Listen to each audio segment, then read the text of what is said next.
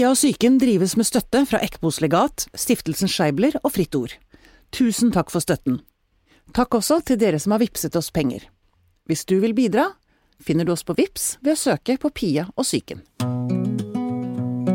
Alle har en syke, og jeg vil gjerne snakke om det. Det er det vi gjør her, sammen med huspsykiater Anne Kristine og en gjest. Dette er Pia om syke. Anne Kristine, Ja. jeg øhm, blir ofte så Jeg føler meg ofte så sliten av å være redd. Jeg er så, ofte så, jeg er så redd for å ikke være god nok, og ikke, at ingen skal være glad i meg, og redd for å gjøre en dårlig jobb her, ikke minst. Foran hver podkast. Så tenker jeg at jeg Eller jeg er så redd for å si noe dumt, eller øh, si noe feil, at jeg skal såre noen. Ah, og jeg øh, kje- Jeg regner med at den, det er en litt sånn universell redsel. Kjenner du på det samme? Jeg tror nok at det er mange, mange som kjenner på det. Mm. Jeg har jo mine ting jeg kan kjenne på det, men jeg kjenner mer sånn redsel for at noen skal bli sint på meg. Ja, Ja. nettopp. Det, det er kanskje den følelsen jeg liker minst. Ja. Mm. Um, denne introen har egentlig ingen eh, link til dagens gjest, men for jeg hadde bare lyst til å si det. det er viktig å snakke om det. Men så lurer jeg også på, jeg har tenkt litt på om man blir ekstra utsatt for den redselen eh, for å ikke være god nok hvis man har vokst opp i et hjem som er litt utrygt. Det er et spørsmål, det er en slags eh, stort spørsmål jeg har lyst til å liksom starte med her. Gjesten vår i dag, Kristiane Mykland Hansson, velkommen hit. Tusen takk for det. Du, eh, jeg må spørre deg, eller du vokste opp med en mor som slet med spiseforstyrrelser. Det stemmer. Vil du si at dette har skapt en utrygghet i deg? Kan du kjenne igjen det jeg sier her? Um, på en måte så kan jeg kjenne meg igjen i det, men Mm. jeg vil ikke bruke ordet utrygg, for det har jeg aldri vært hjemme. Jeg, eh, det er sånn jeg hadde veldig lyst til å få fra når, jeg skulle, når man skal snakke om det å vokse opp med en mor som har vært syk, så er jeg veldig opptatt av å formidle det at ingenting her i livet er svart-hvitt. Det Mm. er ikke sånn at fordi man er vokst opp med en forelder som har en psykisk sykdom, eller er alkoholiker, eller ja, alle disse tingene som barn eh, lever med rundt omkring, så er alt annet også vondt og vanskelig. Jeg kommer fra et ressurssterkt hjem. Jeg har hatt et veld, og har i dag et veldig nært forhold til faren og broren min. Hatt en veldig nær og nydelig mormor. Jeg har alltid hatt mye venner. Jeg har levd på solsiden på alle andre måter i livet, eh, og er veldig takknemlig og ja, jeg ser på meg selv som heldig som har hatt en veldig god oppvekst. Men så var det da mamma som var syk. Um, Og jeg bare skyte inn her, for vi skal snakke mer om det. For det, din mor endte opp med å ta sitt eget liv mm. eh, som en følge av spiseforstyrrelsene. Ja, det er jo en av de mange ubesvarte spørsmålene Spørsmål, som min familie og jeg og vi som sto rundt henne, eh, lever med. Ja. Og jeg tror at når du Altså, spiseforstyrrelse, det er jo ikke en sykdom som Det er en kompleks og ganske uhåndterlig sykdom, fordi det er um, mange ubesvarte spørsmål. Ofte så er det jo kanskje sånn at den personen som har den sykdommen, vil bli frisk, men vil ikke bli frisk, på en måte, for da mister man Mm. kontroll. Mm. Um, noe av det som kanskje har vært vanskelig Vi skal jo snakke litt om sorg kanskje også etter hvert, Mm, og det er et mm. viktig poeng for meg. Det er det at um, sorgen min over mamma Det høres kanskje rart ut, men det er ikke det at hun i dag er død. Men det er det at jeg aldri blir kjent med henne. Mm. ja. Nettopp. Så det å leve tett på noen med en psykisk sykdom, som f.eks. spiseforstyrrelser, det har fratatt meg um, mange opplevelser og minner og et liv med moren min som jeg veldig gjerne skulle hatt. Ja. Så det er kanskje det som er den største sorgen i mitt liv. Ja. Eh, og da også mange spørsmål, og det, det er eh, Ja, nå husker jeg ikke akkurat hva du spurte Nei, om i men det, det, utgangspunktet. er fordi jeg hopper eh, Mm. også. Men jeg, jeg har lyst til å begynne litt sånn eh, i barndommen din. Hvordan artet det seg? Eh, din mors spiseforstyrrelse, hadde hun det alltid? Det er også et av de spørsmålene som vi ikke vet. Mm. Så jeg tenkte på det at nei, ah, nå skal jeg til Pia og psyken og snakke, og det hadde vært fint om jeg hadde hatt uh, mange gode svar på dette her, men det har jeg ikke. Eh, vi vet egentlig um, ganske lite om når det var hun begynte, men jeg har jo klart å nøste litt i historien hennes. Eh, hun begynte nok å få problemer med dette her allerede i ungdomstiden en eller annen gang. Ja. Så gikk det litt i bølger, frem og tilbake, og så har hun nok hatt noen gode og noen dårlige perioder. Men fra min lillebror ble født, han er fire år yngre enn meg, da, sånn som jeg har forstått det, så ble hun på en måte sakte, men sikkert sykere og sykere. Ja. Og Og sånn som vi merket det, ja, Mm. sånn som et barn, da, sett fra med meg med barns øyne da jeg var liten, det var jo det at hun um, Hun sakte, men sikkert så trakk hun seg mer og mer inn i seg selv. Det var, eh, som jeg skrev en artikkel som jeg publiserte her for en tid tilbake, så var det som at hun Ja, hun levde på en måte i et glassbur. Hun var midt iblant oss, selvfølgelig fysisk, Mm. men det var vanskelig å være nær henne. Hun var ikke emosjonelt tilgjengelig for meg. Ja. Selv om hun var der fysisk tilgjengelig. Mm. Mm. Og det, det var kanskje noe av det vanskeligste. Og som barn så vet man jo ikke at det er det som er vanskelig. Man, man skjønner ikke hva som skjer, man bare kjenner på Nå husker jeg hva jeg skulle svare på i sted. Du spurte om jeg var utrygg. Ja. Og jeg har aldri vært utrygg hjemme. men blir Jeg man ikke hatt... utrygg av en, en emosjonelt distansert mor?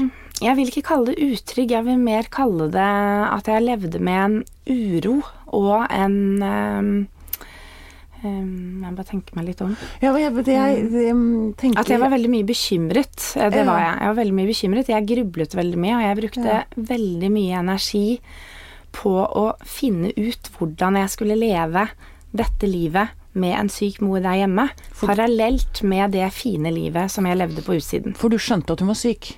På et eller annet tidspunkt skjønte jeg det, ja. Men Ja. når jeg forsto det, det, det vet jeg Det er ikke. lett Nei, å si. det husker jeg Nei, ikke. fordi det jeg lurer på er altså, Går det ikke på et barns selvfølelse hvis mor ikke evner å være til stede og tilgjengelig og, og møte barnet og gi barnet det barnet trenger?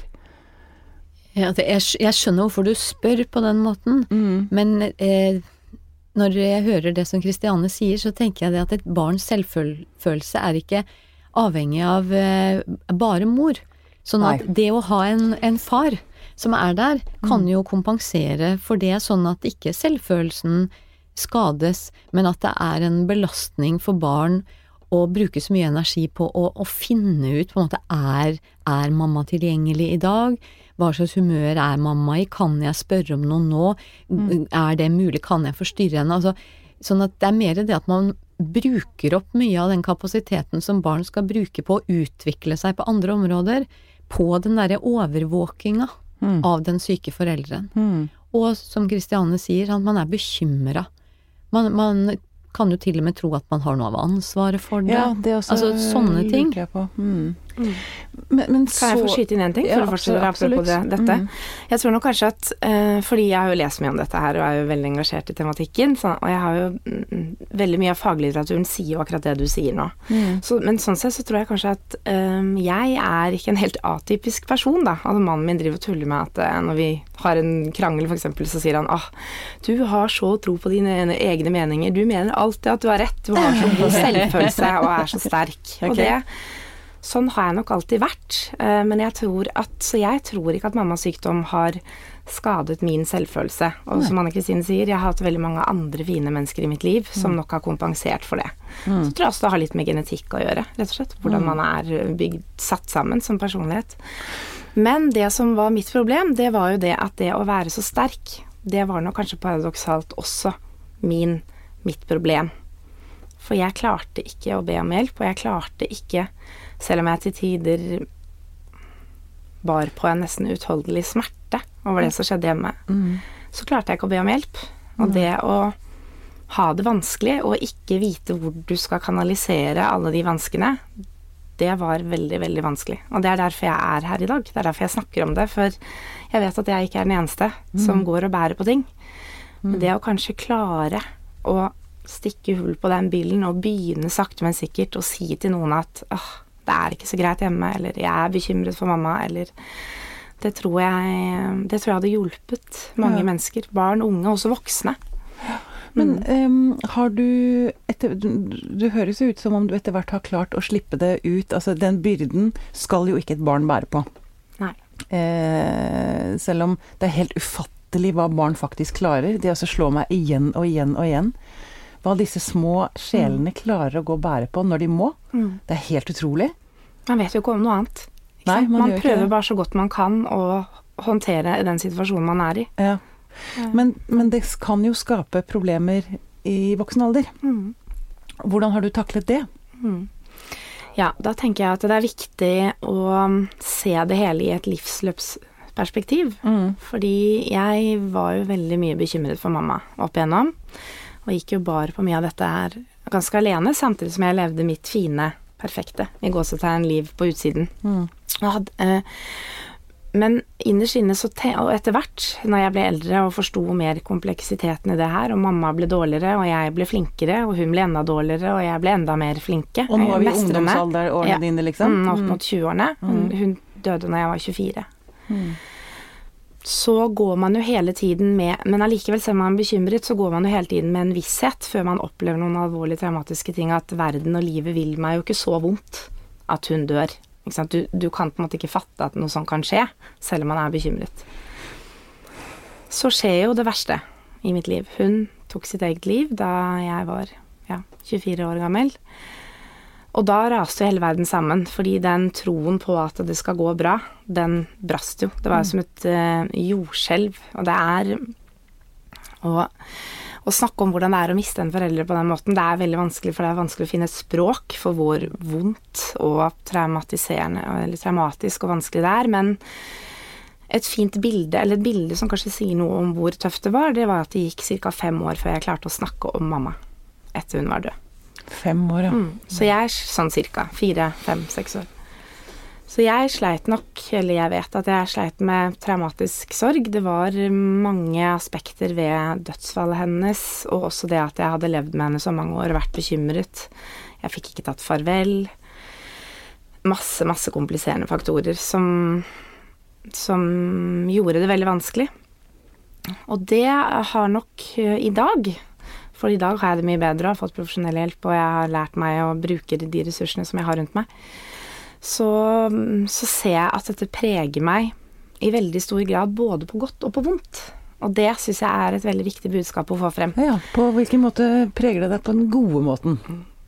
Ja, for det første så er det jo det at jeg f.eks. tør å sitte her i dag og snakke med dere om vanskelige ting uten at jeg besvimer av redsel, og at jeg kjenner at det er fint å være her, selv om jeg også var nervøs før jeg kom hit. Um, jeg er, og det er også på en måte vanskelig å si høyt, men jeg er veldig, veldig lykkelig i dag. Og jeg er mye mer lykkelig i dag når mamma ikke er her lenger, enn det hun var når hun levde. Og det er Fordi det var tøft å stå ved siden av henne? Fordi det var så tøft å stå ved siden av henne, men også fordi jeg har vokst og modnet enormt ved å gå gjennom alt det jeg har gjort med mamma. Jeg har en veldig tro på at det jeg står for, og den jeg er, er bra nok. Jeg har gode relasjoner rundt meg. Jeg mm, kjenner veldig på hverdagslykken. Altså en kopp kaffe og sitte og se på guttene mine som leker om morgenen før de skal på skolen og barnehage, kan liksom fylle meg med en sånn enorm glede som jeg aldri hadde før alt dette skjedde. Og det tror jeg handler om at man Livet er veldig nært meg, da. Ja. Mye Kommer mer enn kanskje en del andre mennesker som Du turer kommer- igjennom. Om. Du kommer nær navet. Husker vi hadde Lindy Suremar fra Leger uten grenser, som er ute i felt ofte. Hun snakket om det der. Man er nær navet i livet. Ja, og man kan karpe det hjem og gripe dagen og alt det der. Det er floskler og klisjeer. Men jeg lever med karpe det hjem i hjertet mitt hver eneste dag. Og det er fordi jeg vet hvor fort livet kan snu. Og, jeg, eh, og en annen ting er at jeg er veldig takknemlig. Jeg, jeg er så takknemlig for alt det fine jeg har i livet. Jeg føler meg så heldig som har så mye fint i livet mitt. Selv om jeg har opplevd ganske mye vondt og vanskelig også. Men det er kanskje derfor man opplever, eller du ser hvor mye fint som finnes nettopp fordi du har opplevd motsatsen. Mm. ja, Og båret så tung byrde at hun nå faktisk kan hvile og, og nyte, og at kontrasten blir så stor, da. Mm, Eller, dette er kanskje ikke uvanlig at uh, når man kommer ut på andre siden, at det er det man opplever. Nei, og det, jeg har jo sagt det på podkasten før, at det derre 'av skade blir man klok', det er jo bare tull. Av skade blir man skadet. Men så kan man bli veldig klok. Men det er jo avhengig av at man har altså, muligheter til å få støtte og til å få hjelp, og at man har mennesker eh, som man kan snakke med og alt det der. Men ikke sant, hvis man da får støtte og hjelp og utvikler seg, så kan man jo bruke erfaringen sin på en veldig god måte. Men det som Kristiane forteller, det er at det er jo det er ikke noe automatikk i det. Det er ikke sånn at hvis du har opplevd noe vondt, ikke, så blir du klok. Nei. Nei. Det kreves litt arbeid. Masse arbeid. Masse, masse, Masse, arbeid. masse Ja. arbeid. For én ting er klokskapen, som jeg jo setter pris på at du kommer hit og deler med oss. Men det som gjorde inntrykk på meg, det du sa nå, var at du opplever en sånn glede. Mm. For det tenker jeg er så viktig. Altså om man selv opplever seg selv som klok. Altså det er jo egentlig Det er fint for omverdenen, liksom. Mm. Men jeg tenker på andre som kan sitte oppi veldig, veldig vonde ting nå, som hører på dette. At, du, at det faktisk er mulig å føle dyp, dyp glede Mm. over livet. Mm. Det tror jeg er det, Jeg kan ikke tenke meg et viktigere budskap, egentlig. Nei. Det gir jo håp.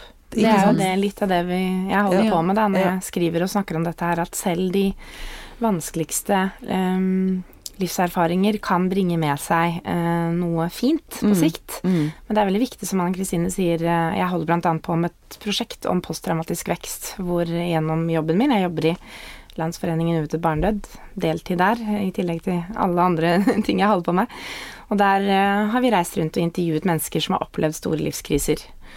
Um, og da er et viktig budskap i det prosjektet, det er jo det at det er ikke sånn at fordi dette har skjedd, så er alt blitt så utrolig bra på andre siden.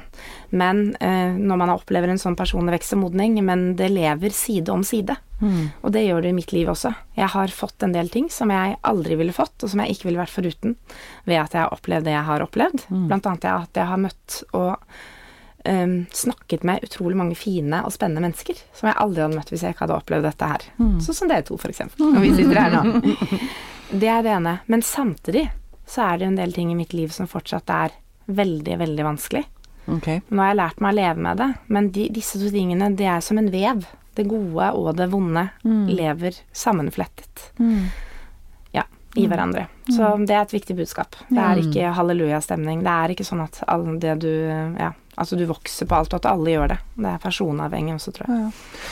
Så jeg har bare lyst til å si at jeg tror det er et veldig viktig poeng det du sier, at, at det å kjenne dyp glede og, å føle lykke handler ikke om fravær av vonde og vanskelige ting, Nettopp. men det handler om at man finner en måte det går an å leve med det vonde på uten at det ødelegger for det gode. Mm. Så det er egentlig det som er kunsten, å Ja. finne den balansen. Ja.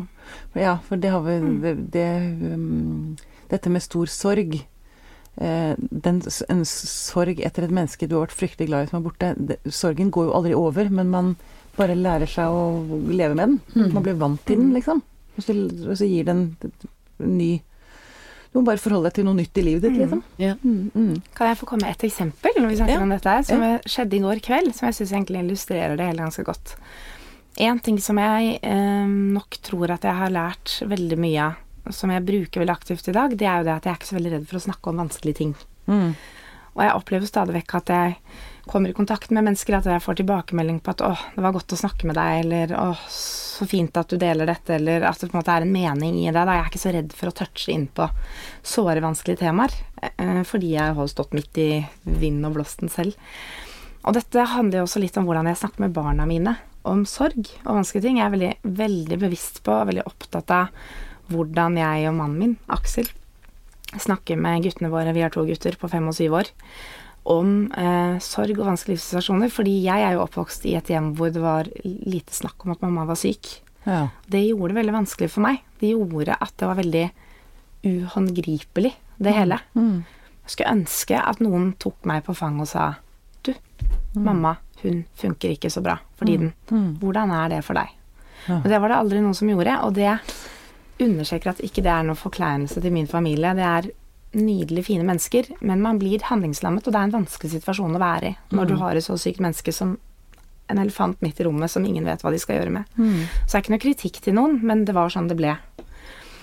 Eh, Men jeg i dag bruker den erfaringen til å snakke med mine barn og være veldig bevisst på at de skal føle at de er inkludert i det som skjer i familien, og jeg holder ingenting hemmelig for dem.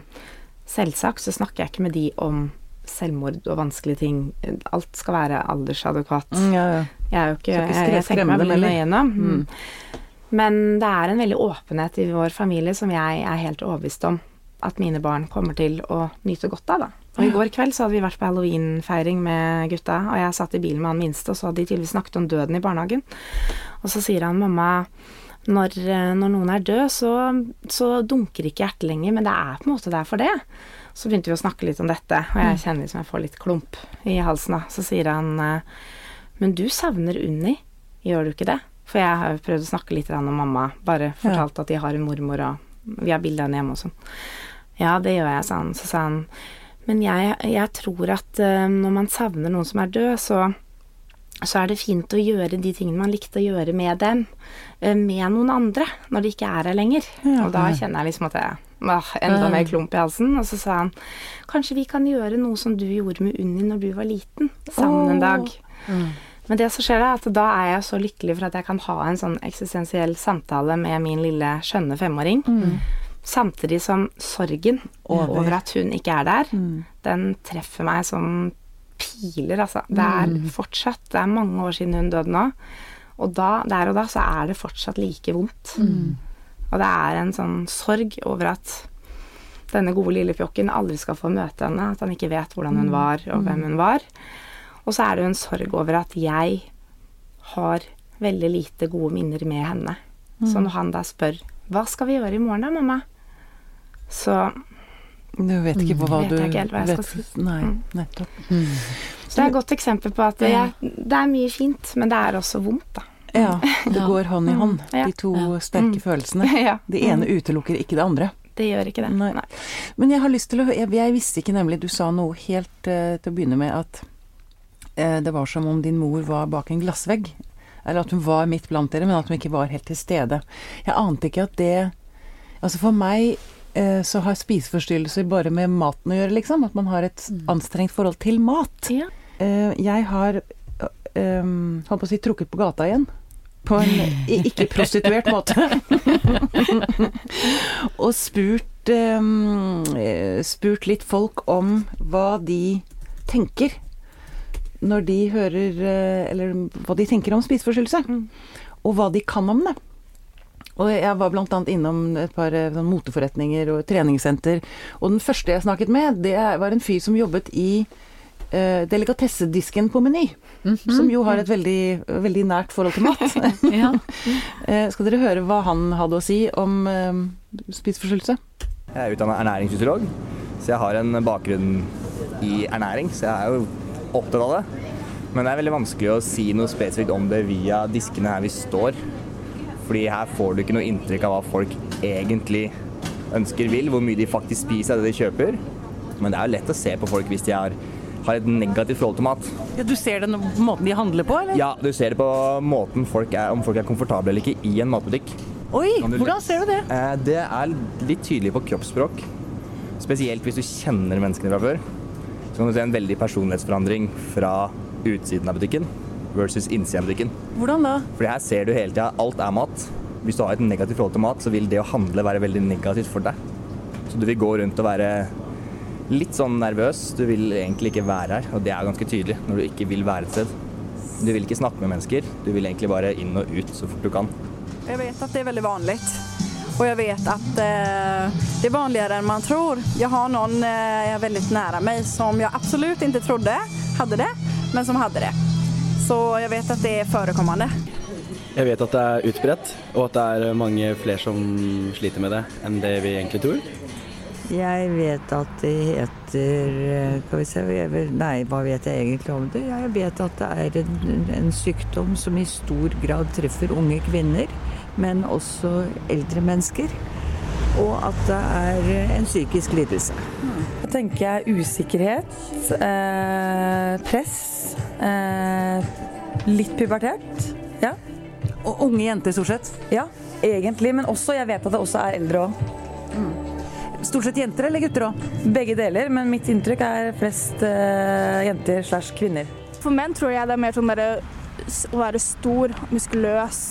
Du som jobber på treningssenter, er, er du mer borti det her, tror du? Bidrar dere til å stille krav, skjønner du hva jeg mener, til folks kropper? Jeg skjønner godt hva du mener. Vi er nok en eh, bidragsyter til å sette kropp i fokus. Men jeg tror ikke Vi ønsker ikke selv å bidra til at det er kroppen som skal være i fokus, mer i helsa, selvfølgelig. Hva tenker du om eh, forholdet vårt til kropp i dag? Har vi et sunt forhold til kropp? Nei, det syns jeg absolutt ikke. Altfor mye fokus på å se eh, fake ut, egentlig. Fake? Ja. ja, altså operasjoner.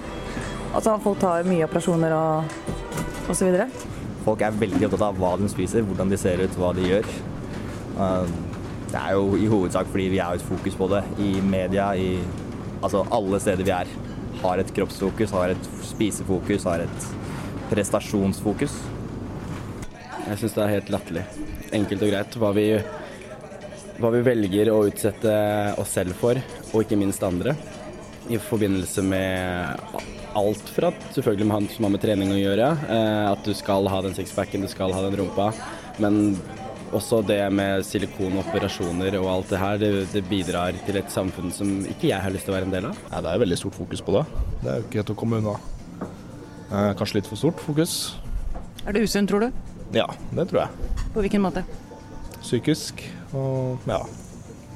Blir et sånn press som det er vanskelig å forholde seg til.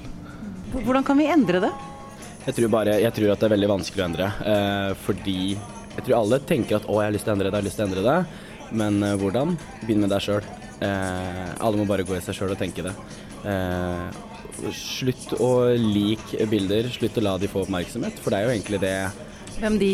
De, det er jo de som eh, gjør dette her, og de som opererer seg. Og vi, beste eksempelet i verden på det, det er jo Kardashian. Det er jo at du får så mye oppstyr rundt det.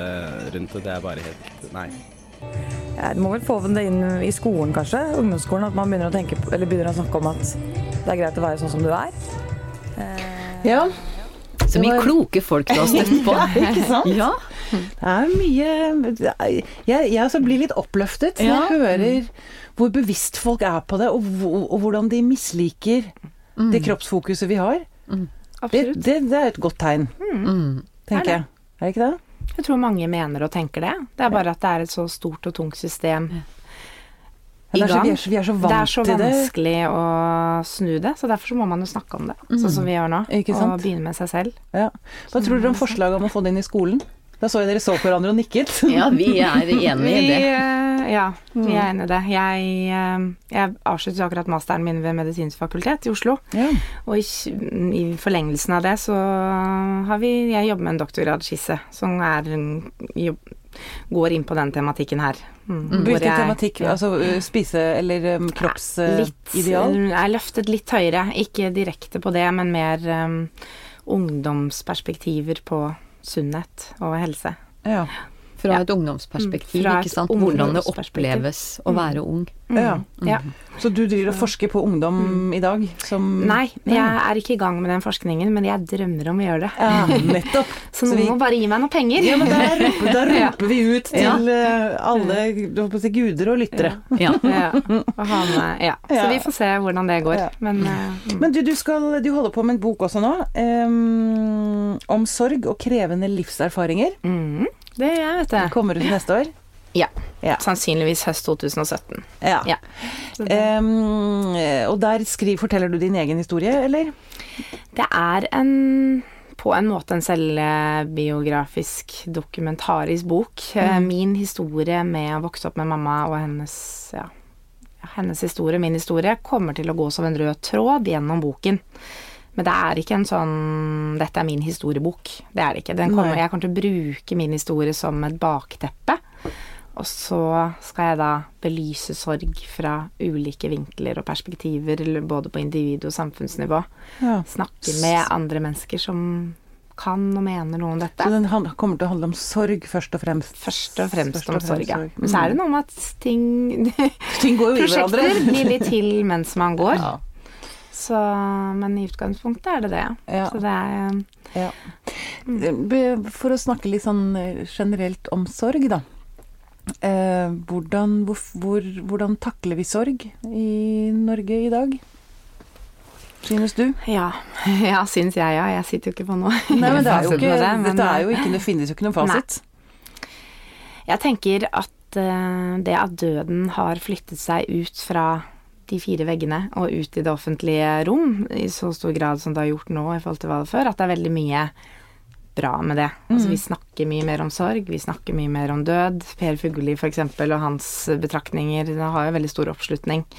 Det, det er Jeg tenker at det er veldig mye fint med det. Samtidig så tenker jeg også at uh, at det er en del sider ved hvordan vi forholder oss til sorg f.eks. i det offentlige rom, som er verdt å være litt bevisst på. Eksempel dette åpenhet. Jeg driver og skriver på et kapittel nå om åpenhet, og derfor er jeg litt inne i den Mm. tankegangen. Eh, Jeg tror det er eh, Jeg tror mange mennesker får mye godt av at vi snakker om døden, at man f.eks. kan bruke sosiale medier til å dele uh, vanskelige situasjoner som man står i, sorgen sin da f.eks., Mm. og få hjelp og støtte umiddelbart, og likes og ja. Mm. Den, er en, en, jeg tror det er et veldig fint verktøy og hjelp for mange.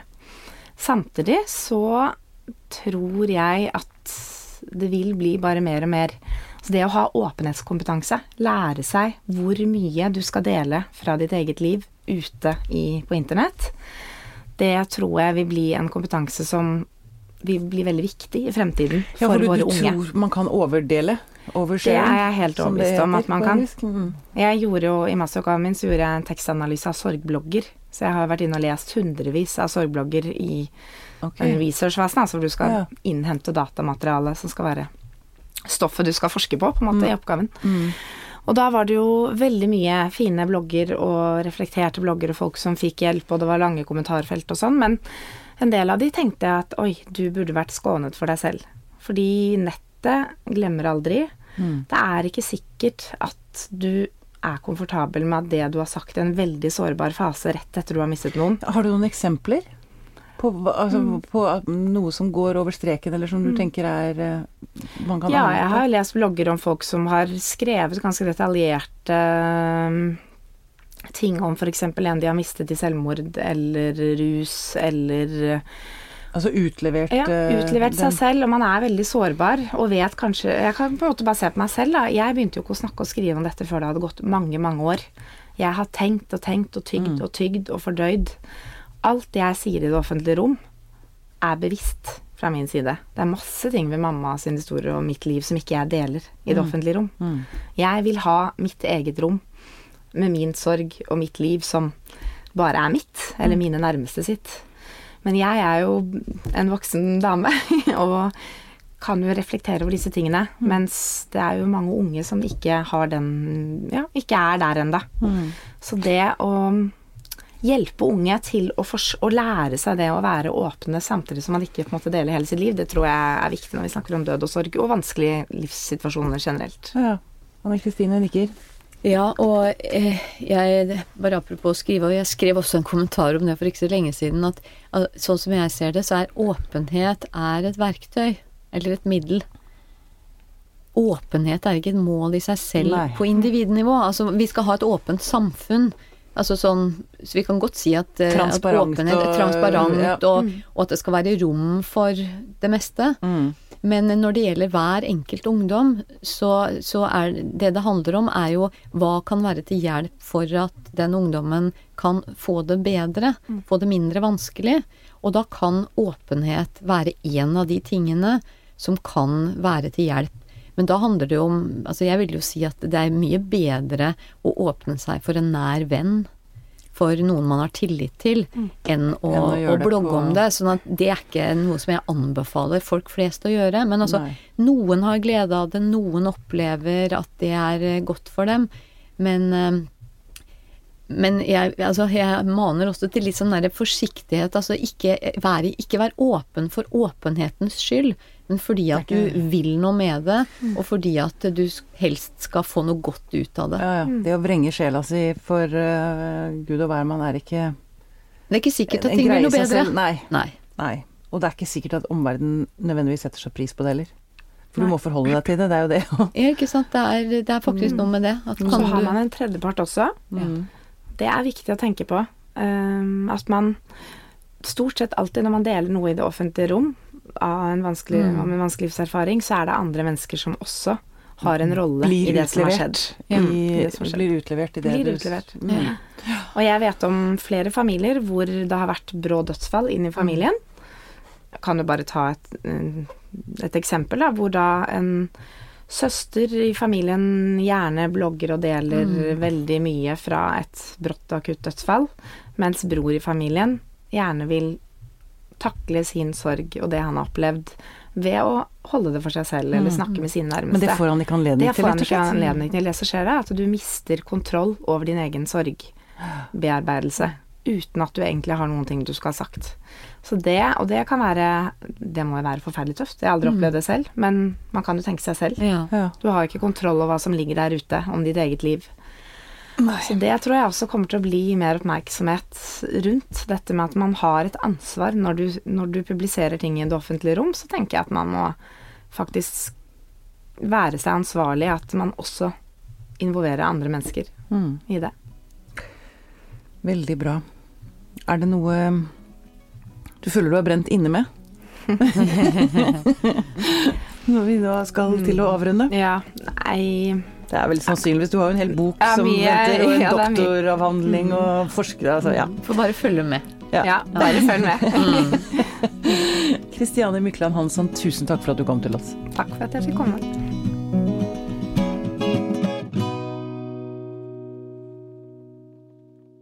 Denne podkasten er produsert av Tid og Lyst.